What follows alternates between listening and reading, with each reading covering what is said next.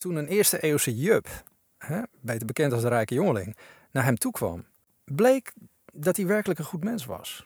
Maar toen die young professional te horen kreeg waar het bij hem aan schortte, namelijk zijn onvermogen om zijn bezittingen los te laten, ging hij bedroefd en bedrukt wegstaan. Een podcast voor kerkgangers, kerkverlaters en kerkelozen. Hagebreken. In een onzekere wereld waarin veranderingen elkaar versneld opvolgen en ons samenkomen, zingen en beleven steeds vaker onder druk komt, is een bijbelse koershouden een must en een kompas. Tuurlijk, het is jouw leven, het is jouw schip, maar de beste stuurlui, die hebben een loods. Mijn naam is Benaya en ik vaar graag een handje met je mee.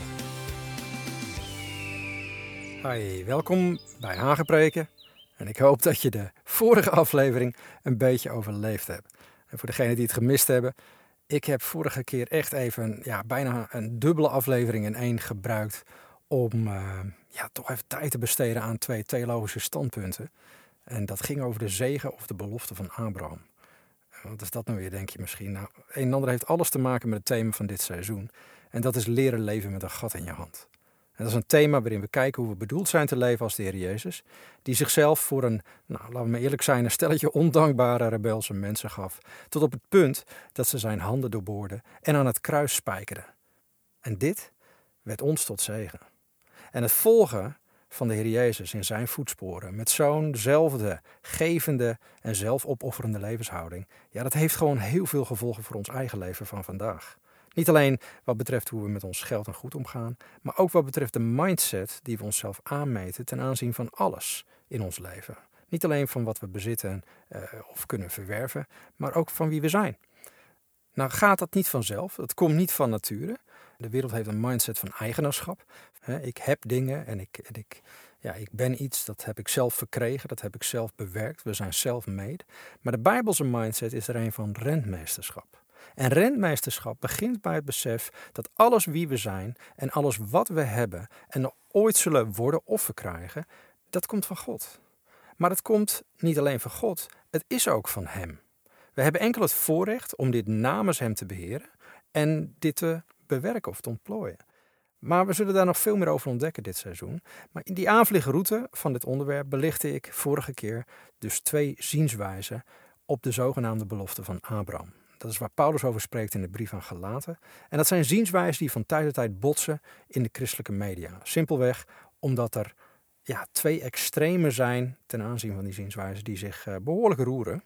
En de ene is dat Gods zegeningen ja, vertaald moeten worden naar uh, voorspoed en rijkdom. En de ander gaat voor een stukje soberheid en vooral ook de vergeestelijking van die zegeningen van God.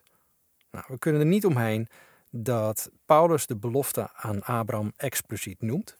Het zijn beloften trouwens ook, in meervoud.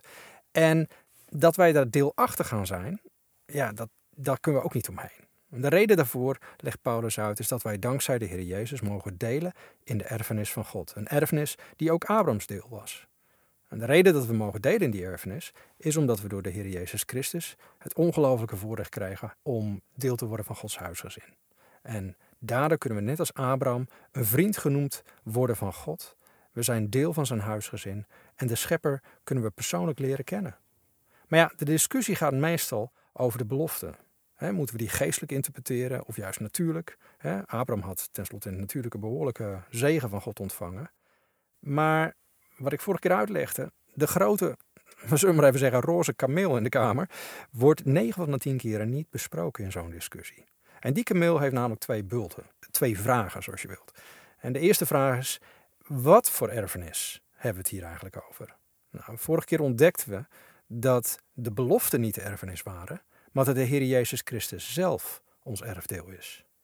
En de tweede vraag die eraan vasthangt, eigenlijk de hamvraag, is waartoe dienen de beloften van Abraham eigenlijk? Want dat komt meestal niet aan bod. Maar kijk je daarna, dan kom je ook op het hart van God, wat onder andere in Deuteronomie 8, vers 18 wordt uitgedrukt, waar staat dat we God in gedachten moeten houden, want Hij is het die ons kracht geeft om vermogen te verwerven. En waarom? Opdat Hij het verbond zou bevestigen dat Hij onder Ede met onze vaderen gesloten heeft, zoals het op de dag van vandaag nog is. En dat geldt ook voor ons, omdat wij Abraham tot voorvader hebben, volgens Gelaten 3.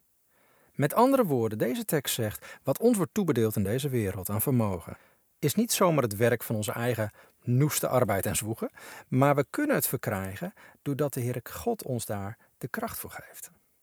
De reden dat hij dat doet, is wel om zijn verbond te bevestigen. En daar denken veel mensen niet over na. Want kijken we naar dat verbond, ja, dan ontkomt, ik noem het maar even het karigheidskamp, er niet aan dat het inderdaad ook hele fysieke, natuurlijke zegeningen betreft. Terwijl de beste voorspoedsvoorstanders ook niet kunnen weglopen van het feit dat Gods voorspoedige zegen als zwaartepunt hebben het zegenen van anderen. Het tot zegen zijn. Het is dus niet de bedoeling dat je al die zegen omzet in grotere auto's, huizen, landerijen, wat heb je allemaal. Want God beloofde Abraham, Genesis 12, hebben uitvoerig naar gekeken, u zult tot zegen zijn. En in u zullen alle geslachten van de aardboding gezegend worden. De belofte van Abraham beantwoordde daarom feitelijk die twee vragen. Blijkbaar twee redenen dat hij zijn mensen zegent. Ten eerste, u zult tot zegen zijn. Oftewel, als eerste krijgen we de geweldige mogelijkheid en verantwoordelijkheid om de goedheid en de voorzienigheid van onze Heer aan anderen te laten zien. En aangezien de armen altijd met ons zullen zijn, al dus de Heer Jezus, ligt daar genoeg huiswerk hè, ten aanzien van degenen die in zorg, nood, tekort en financiële problemen zitten. En ten tweede staat er, in u zullen alle geslacht van de aardbodem gezegend worden. Wat als tweede overduidelijk spreekt over de geestelijke component van die zegen. Een verwijzing naar het heil dat tot de wereld zou komen, doordat uit de lijn van Abraham de Messias zou komen. En zijn geboorte, zijn sterven en zijn opstanding, dat zou tot zegen worden van alle geslachten die op aarde zijn. En dat hebben we meegemaakt en dat is gebeurd door de Heer Jezus Christus. Ja, ik herhaal dit even, omdat er naar mijn smaak te veel gebekvecht is bij christenen onderling wat dit onderwerp betreft. En er te weinig oog is voor wat Gods hart is. En dat is, hij wil een verbond bevestigen. Hij wil dat mensen door het nageslag van Abraham, waar wij volgens gelaten drie deel van zijn, horen en ondervinden dat hij een goede God is. Een God van trouw, die naar hen omziet als de nood aan de man is. Maar wat hoor je vaak als je met mensen die niet geloven over God spreekt? Dan hoor je als God een God van trouwens, als hij goed is, waarom is er dan zoveel ellende op deze wereld? Waarom doet hij er dan niks aan? En wat geven de meeste christenen dan als antwoord?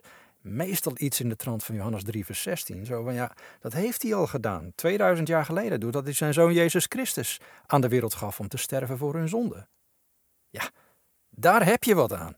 Als je in de armoede, ziekte, tekort en ellende zit. Ga jij het ook nog eens hebben over mijn zonde? Lekker is dat. Niet dat dat niet waar is. Maar kan het zo zijn dat wij als lichaam van Christus, misschien net als ons hoofd, de Heer Jezus, bedoeld zijn om mensen aan de lijve te laten ondervinden dat God goed is en om hen geeft? En dat de boodschap breder is dan alleen een mooi geestelijk verhaal. Dat vlakken we niet uit, maar er hoort nog wel iets bij. Mensen horen het te voelen, te merken. God is goed. Ze moeten weten dat juist de belofte van Abraham voor ons gelden. Dat wij bedoeld zijn om anderen overvloedig te zegenen als het in ons vermogen ligt om dit te doen. Of om anders wegen te vinden om dit mogelijk te maken. Want zei Jezus niet, hè? ik noem het zo net al, de armen hebt u altijd bij u.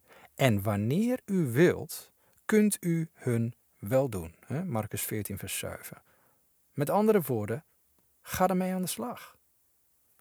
Nou goed, dat was de vorige aflevering even in een paar minuten. Maar wel belangrijk, denk ik, om die focus te houden als we praten over ons geld, goed en bezittingen, denk ik.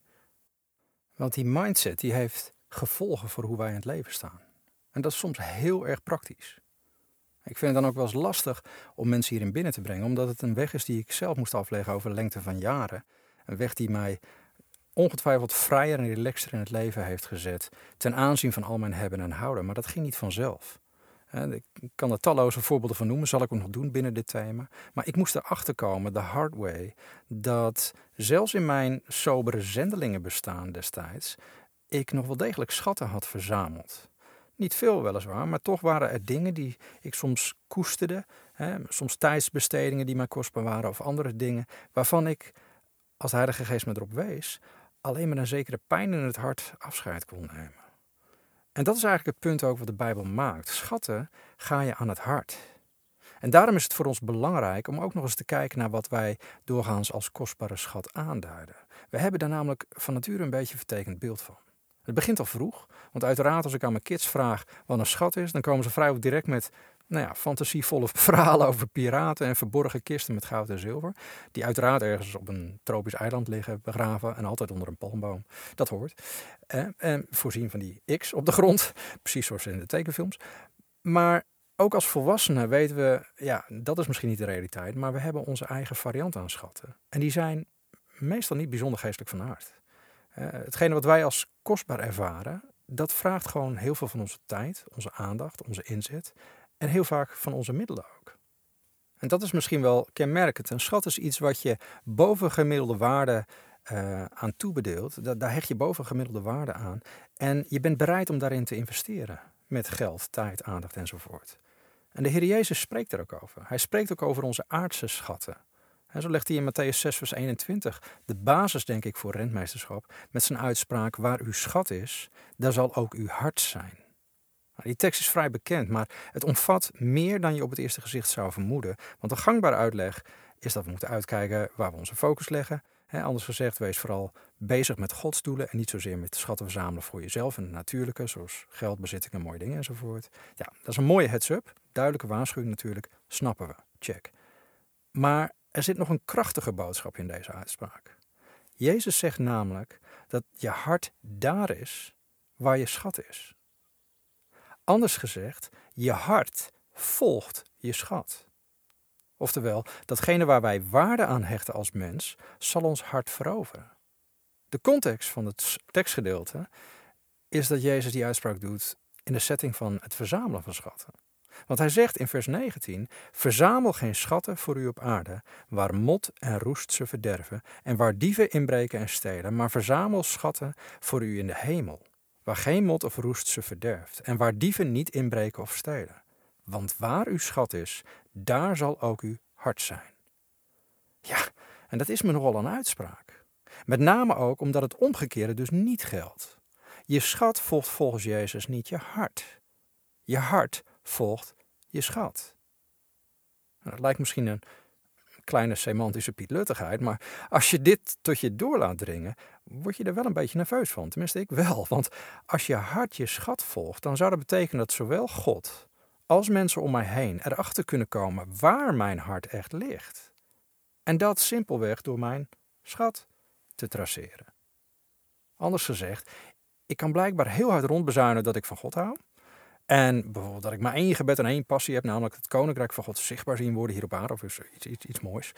Maar als dit niet uit mijn schat valt af te leiden, dan mag je ervan uitgaan dat ik er kennelijk niet met mijn hele hart in zit. Auw. Ja, doet je afvragen dan, waar ligt jouw schat? Ja, maar wacht even, denk je misschien bijna spreekt de Heer Jezus hier wel over een natuurlijke schat. Hij zegt toch over de hemel en dat soort dingen. Doet hij niet gewoon op geestelijke schat als hij zegt waar je schat is, daar zal ook je hart zijn.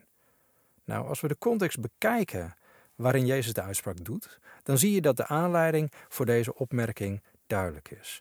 Want hij doet die uitspraak zowel in Matthäus 6 als in Lucas 12. En in beide verslagen staan zijn woorden inderdaad in verband met hoe wij als mensen met ons geld omgaan. Niks anders. En eigenlijk begint het complete verhaal met een hele vervelende situatie. En dat lees je dus bijvoorbeeld in Lucas 12. vers 13 begint dat. Iemand uit de menigte zegt tegen hem: Meester, zeg tegen mijn broer dat hij de erfenis met mij moet delen. Maar hij zei tegen hem: Mens, wie heeft mij tot rechter of verdeler van een erfenis over u aangesteld? En hij zei tegen hen: Kijk uit, wees op uw hoede voor de hebzucht. Immers, al heeft iemand overvloed, zijn leven behoort niet tot zijn bezit. Ja, misschien een herkenbare situatie voor sommigen van ons. Tenminste, ik heb het zelf wel eens meegemaakt in de familie. Ik weet ook van genoeg anderen in mijn vrienden en kennissenkring die hierover mee kunnen praten. Een situatie dat iemand sterft en een erfenis nalaat. En vervolgens gaat iemand van de clan ergens manipuleren om zoveel mogelijk voor zichzelf van die erfenis te paaien.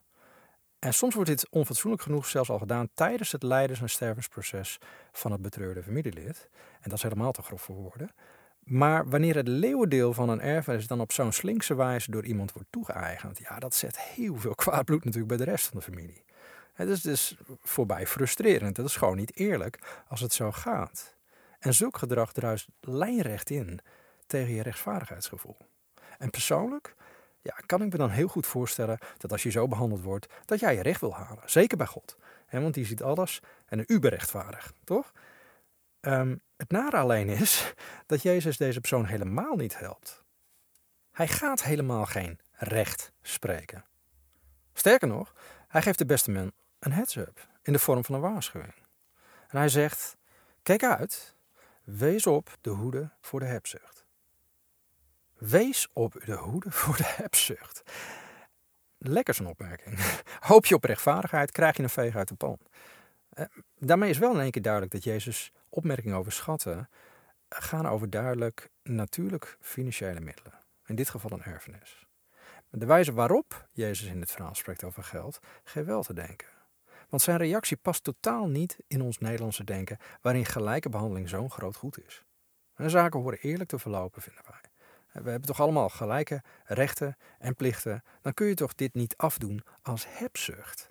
Waar is het inlevingsvermogen van God, vraag je dan af. Nou laat de Bijbel wel vaker zien dat de cultuur van Gods koninkrijk soms lijnrecht tegenover de waarde van onze eigen cultuur staan. En Paulus had er ook een handje van. Zo vermaant hij bijvoorbeeld de Corinthiërs dat ze rechtszaken tegen elkaar voeren. Hij stelt ze dan de confronterende vraag: waarom laat je niet liever onrecht? Waarom laat je je liever niet benadelen? Nou vraag ik je, wie doet dat nou in praktijk? Wie laat zich nu willens en wetens benadelen? Niemand toch? Als Nederlanders zouden we zeggen, je moet gewoon wat assertiever zijn. Je niet de kaas van het brood laten eten, want de brutalen hebben weliswaar de halve wereld, maar dan is de andere helft nog steeds van ons. Um, en toch zien we dat er in Gods Koninkrijk hele andere maatstaven gelden. En dat geldt ook voor het verhaal van de erfenis. Om het verhaal nog even af te maken, Jezus doet er nog een schepje bovenop zelfs. Hij maakt het hebzuchtplaatje helemaal compleet. Misschien wel speciaal voor ons Nederlanders. En dat doet hij door een heel bekend beeld te schetsen. En hij zei tot hun gelijkenis en sprak: Het land van een rijke man had veel opgebracht. En hij overlegde bij zichzelf en zei: Wat zal ik doen? Want ik heb immers geen ruimte om mijn vruchten op te slaan. En hij zei: Dit zal ik doen. Ik zal mijn schuren afbreken en grotere bouwen. En zal daarin al mijn koren en al mijn goederen opslaan. En ik zal tegen mijn ziel zeggen: Ziel, u hebt veel goederen liggen voor vele jaren. Neem rust, eet, drink en wees vrolijk. Maar God zei tegen hem: Dwaas, in deze nacht zal men uw ziel van u opeisen. En wat u gereed gemaakt hebt, voor wie zal het zijn? Zo is het met hem die voor zichzelf schatten verzamelt en niet rijk is in God. Nou, even ademhalen. Als het goed is, voel je net als ik op je klompen wel aan waar de klomp nu wrikt, zullen we maar zeggen. Bij het lezen van een stukje heb ik een keus. Ik kan zo'n tekstgedeelte namelijk op twee manieren bekijken. Zowel beschouwend als inlevend. En beschouwend is het veiligst. Als ik het beschouwend bekijk, dan denk ik, foei, foei. Wat een hebzucht. Die man bulkt van het koren en goederen en dat houdt het allemaal voor zichzelf. Bouwt maar schuren. Tjonge, jonge, jonge. Maar dat is te makkelijk. Zo blijft het heel mooi ver van mijn bed. Als ik me daarentegen een beetje inleef, dan kan ik er een herkenbaar scenario in zien. Eentje die nou ja, ondanks de economische crisis waar we steeds duidelijker op afsteven in ons land, ons er ook nog wel vers in het geheugen ligt en voor velen nog steeds in het palet van opties ligt als je al een aantal jaartjes gewerkt hebt. Precies zoals de rijke man uit het voorbeeld van de Heer Jezus. Dus ik vertaal hem eventjes naar het Nederlands voor je. Even een benaaie vertaling, oké? Jan had nog een aantal jaren te gaan. Hoewel niet vlekkeloos, was zijn carrière toch boeiend en bloeiend verlopen. En op een dag bedacht hij zich en dacht: Weet je wat, ik heb hard genoeg gewerkt. Ik heb ook wel lekker verdiend. Weet je wat ik ga doen? Ik groei op mijn huis. Ik verkoop mijn huis met overwaarde. Ik ga een groter huis kopen waar al mijn spullen in kunnen. En, en dan heb ik lekker de ruimte. Stukje land eromheen, mooi tuintje aanleggen met zo'n barbecueplaatsje, trampolinetje erin voor de kleinkids. Misschien zelfs wel een, uh, een jacuzzi. Lekker. Hè? Daarbij, ik heb genoeg stress gehad. Ik zeg tegen mezelf, kerel, je hebt hard gewerkt, goed geboerd, Schaapjes staan inmiddels wel op het droge. Eerst maar eens op een welverdiende luxe vakantie. En misschien zelfs wel met vervroegd pensioen. Vanaf nu, lekker rustig aan. Leuke dingen doen, verwen jezelf maar eens goed en geniet. Want daar draait het tenslotte om met het leven. Herkenbaar? Dat grenst wat meer aan ons Nederlands ideaalbeeld, nietwaar? Of vind je het te hard gesteld? Veroordeel ik zo een hoop hardwerkende mensen. Eh, kennelijk heeft de Heer Jezus er geen moeite mee om het zo te brengen. Want zijn boodschap is duidelijk dat een ieder zijn eigen hart dient te onderzoeken. Ja, en je weet zelf wel hoe je in het leven staat. En dan maakt het niet uit of je nu op bijstandsniveau zit, modaal, hoog inkomen of gewoon vies rijk bent. Iedereen is in staat om voor zichzelf te bepalen waar zijn schat werkelijk ligt en waar zijn hart dus kennelijk te vinden is. En let wel, je hoeft niet per se stinkend rijk te zijn om te verlangen naar geld en bezit. Of naar het scenario wat ik net in de Benaya-vertaling schetste. Dus wie de klomp past, trek hem aan zou ik zeggen. Wat ik wel weet, is dat Nederland nog steeds tot een van de rijkste landen ter wereld behoort. Wij worden beschouwd als werelds zeventiende grootste economie en een van de werelds best verdienende landen. Ik heb toch even nagekeken, maar in 2022 stonden we nog steeds op nummer 12 van de 15 rijkste landen ter wereld. En er zijn 197 landen, mocht het niet weten. Ehm, ja, niet dat de realiteit tot ons doordringt als we hier wonen, want klagen is een soort volkssport onder ons. En het nadeel is dat waar je in opgroeit, dat vormt ook je beeld van wat normaal is. Dat, dat beïnvloedt het gewoon. En natuurlijk hebben we, ondanks die welvarendheid, vreemd genoeg, een hele grote groep daklozen in ons land. Volgens de cijfers van het CBS uit 2021 ruim 36.000. En nee, dat zijn niet alleen vluchtelingen, juist ook Nederlanders, ook veel jongeren. Je vraagt je af, hoe is dat mogelijk in zo'n rijk land? Dat is veel te veel. Net als het aantal personen dat onder de, nou ja, onder de lage inkomensgrens moet zien rond te komen. Dat waren dat in dat jaar geloof ik ook iets van 140.000. Dat is bizar. Ik noem dat expres even in het kader van dit thema, want als kerk moeten we daar natuurlijk wel mee. Desalniettemin is voor de 99% die niet onder deze groep valt, ons armoedeperceptie wel heel sterk gekleurd door onze gewenning aan de rijkdom van het land waarin we mogen opgroeien. Want ook al hoorde ik op een keer op het journaal dat, nou wat was het destijds, ik geloof 40% van de Rotterdamse kinderen onder de armoedegrens leeft, dan nog werd armoede afgemeten aan dingen als het overslaan van ontbijt, eh, met regelmaat tweedehands kleding dragen, niet op vakantie of schoolreisje kunnen. En hou me te goede, dat is heftig in dit land. Hè? Eh, onnodig heftig, geloof ik ook. En ik wil ook geen zins bagatelliseren wat die kinderen meemaken en de stress die ze hun ouders hebben. Tegelijkertijd kan ik ook niet anders dan even voorbij die armoede kijken naar de armoede van de rest van de wereld. Want ik heb namelijk het voorrecht gehad om in heel veel verschillende landen te mogen wonen en werken die extreem arm waren. En heb ik dus ook meerdere levensstandaarden aan de lijve kunnen ondervinden. Want met die mensen trek je op nogmaals, ik weet dat het not dan is en dat het klinkt alsof ik de hardheid van het bestaan en het proberen te overleven bagatelliseer, maar niets is minder waar. Ik ken dit als geen ander. toen ik zelf werd aangereden door een jonge gozer, eh, een, een viertal jaar, bijna vijf jaar geleden, moest ik een jaar revalideren zonder te kunnen werken, waarna mijn vrouw onderuit ging en volledig werd uitgeschakeld. Ja, en toen werden we helemaal ongepland op een pad gezet van zo'n tegenspoed en zo'n nou ja, moedwillige geloofsgroei, dat hadden we niet kunnen voorzien. Hadden we ook niet ingecalculeerd. We raakten daardoor ook al ons spaar- en pensioengeld kwijt. Moesten noodgedwongen verhuizen zelfs.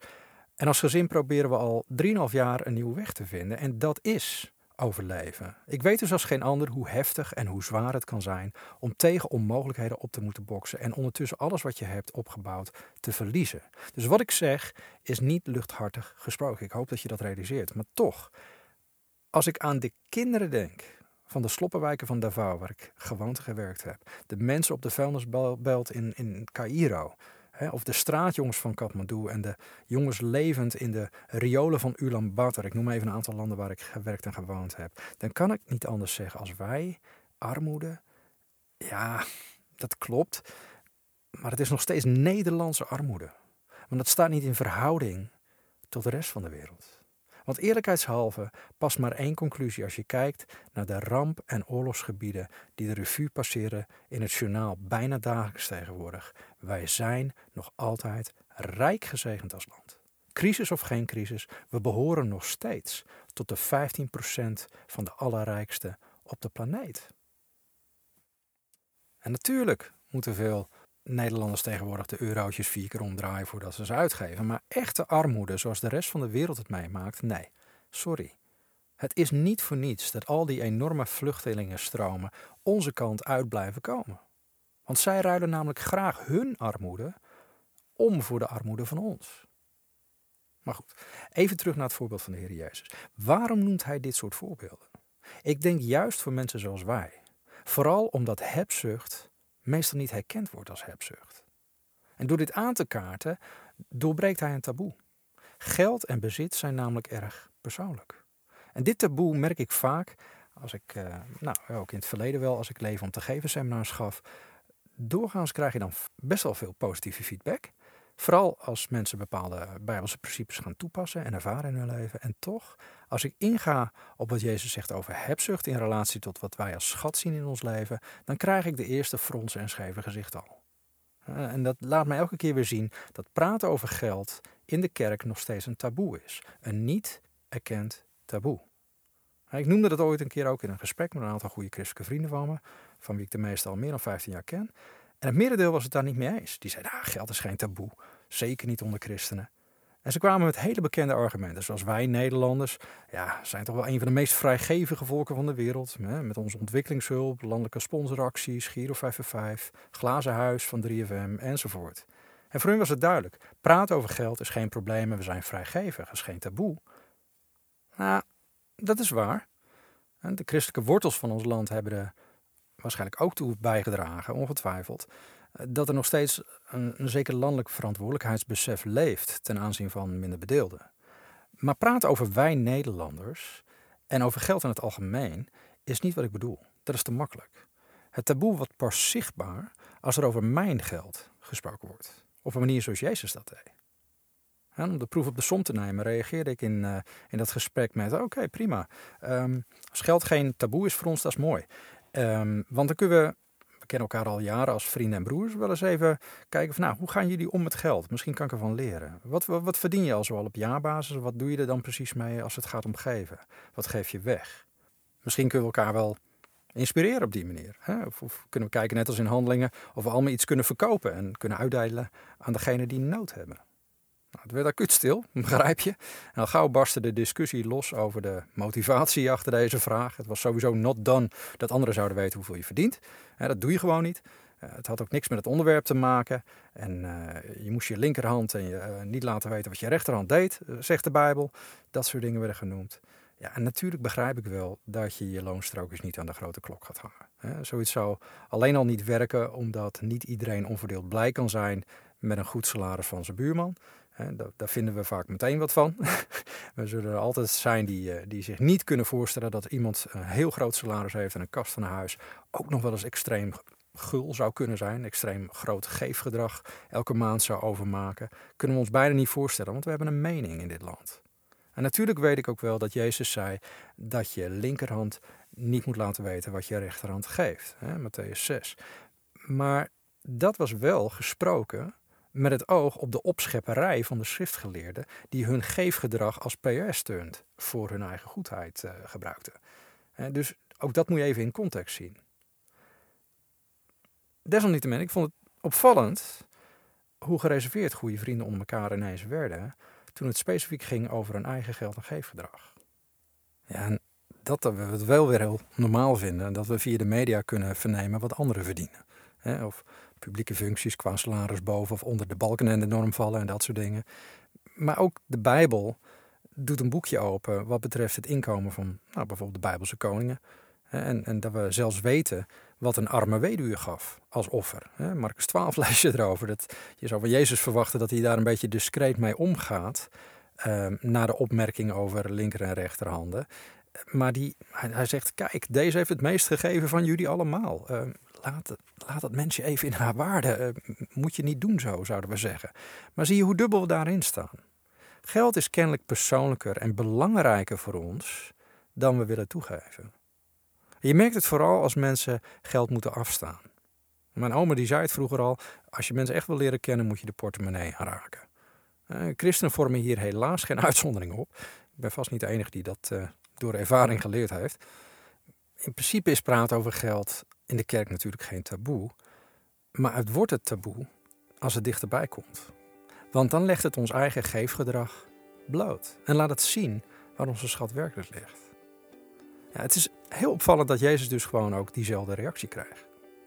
Want toen een eerste eeuwse Jup, hè, beter bekend als de rijke jongeling, naar hem toe kwam, bleek dat hij werkelijk een goed mens was.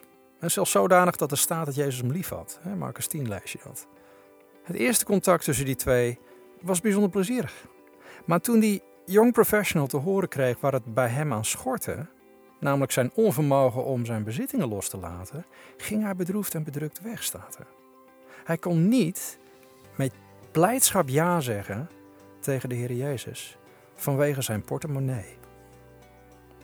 Zijn hart volgde zijn schat. Weg van de Heer Jezus.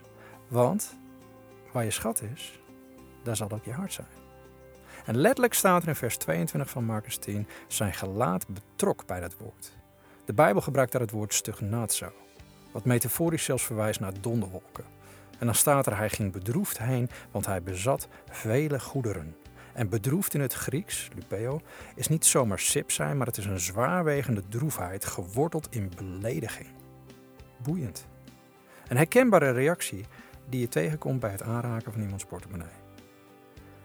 Waarom komt het praten over geld zo dichtbij? Waarom raakt het ons zo diep als iemand suggereert dat we volgens Jezus maatstaven het gevaar lopen hebzuchtig te zijn? Ja, ik kon het nooit zo goed verklaren totdat ik doorkreeg dat het over meer ging dan geld alleen. Want geld is namelijk niet alleen nodig om te kunnen leven. Geld is je leven. Wat? Zeg je misschien? God is toch ons leven? Zeker. Maar ik doe hier op iets anders. Maar om er nu niet weer zo'n lange uitzending van te maken, gaan we het daar volgende keer over hebben. Voor nu, blijven luisteren naar Gods woorden. Blijven koers houden. Heb je vragen, aanvullingen of opmerkingen? Mail even naar podcast.saintkenan.com. Je kunt deze podcast ook sponsoren. Het kan via PayPal of Ideal via de site saintkenan.com. Dat wordt bijzonder gewaardeerd. Dankjewel.